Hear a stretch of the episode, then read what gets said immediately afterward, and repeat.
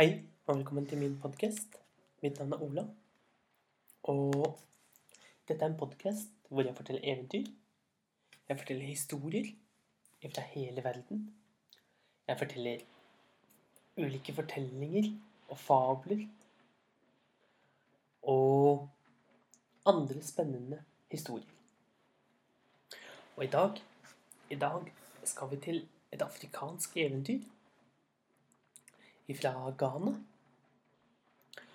om Anansi, edderkoppen Anansi og skilpadden. Anansin, eller edderkoppen, den hadde vært ute i åkeren og plukket med seg noen store, fine jam, som er en grønnsak.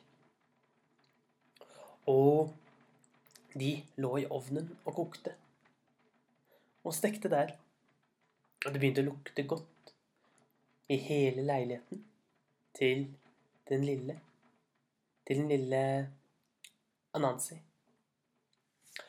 Og duften seg ut av vinduet og spredde seg, slik at det luktet godt til langt rundt.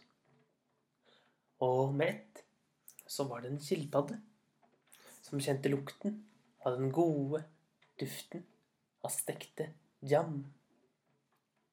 Og han skyndte seg av gårde og banket på døren hos edderkoppen og spurte om ikke han kunne komme inn og spise middag hos edderkoppen.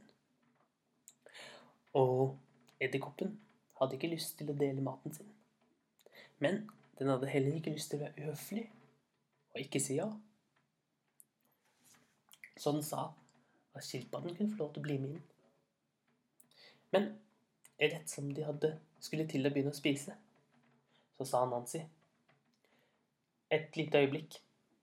Du kan ikke spise med så skitne ben. Se på bena dine. De er fulle av jord.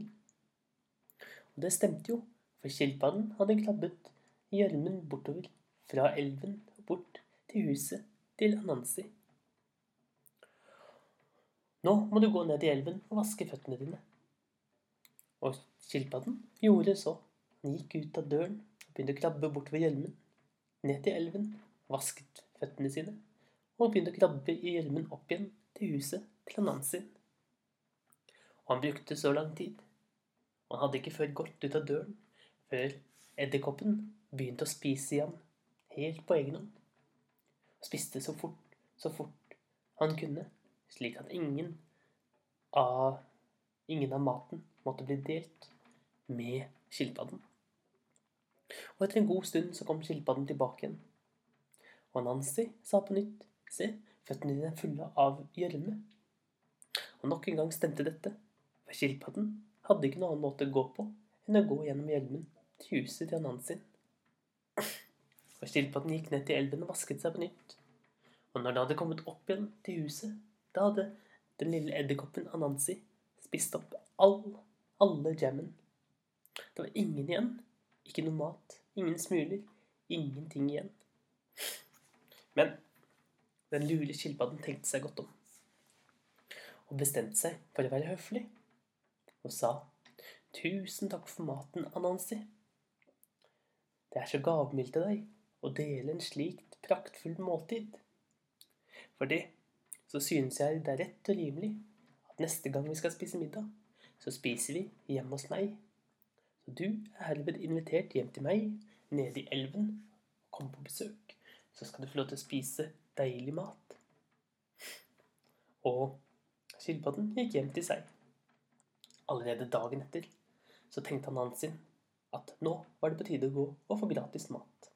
For det er ingenting som Anansi liker bedre enn gratis mat og den skyndte seg ned til der hvor skilpadden bodde, nede i elven. Og langt nede i elven, under vann, der nede, var skilpaddehuset. Og i skilpaddehuset sto skilpadden og lagde deilig mat. Og Nancy hoppet ut i elven og begynte å prøve å svømme ned til skilpadden. Men uansett hvor mye Nancy prøvde å svømme nedover, så klarte den ikke å synke og ble liggende på toppen av vannet. Da tok Anansi og gikk i land, og fylte lommene sine fulle av steiner. Og snart hadde hun nok steiner i hånden hun, eller i lommene til at hun kunne begynne å synke. Og hun sank glad og fornøyd ned under vann og kom til huset til skilpadden. Og skilpadden åpnet døren og inviterte Anansi med inn. Men, men kjære Anansi, sa skilpadden, du kan ikke spise med jakken på. Vær vennlig å ta av deg jakken og heng den der borte. Og Anansin gjorde det, tok av seg jakken sin med alle steinene. Og med en gang Anansin tok av seg jakken, så fløt den lille edderkoppen opp til vannoverflaten og kunne ikke lenger komme ned. Og måtte bare ligge på toppen av elven og se ned på at skilpadden spiste all den deilige maten helt på egen hånd.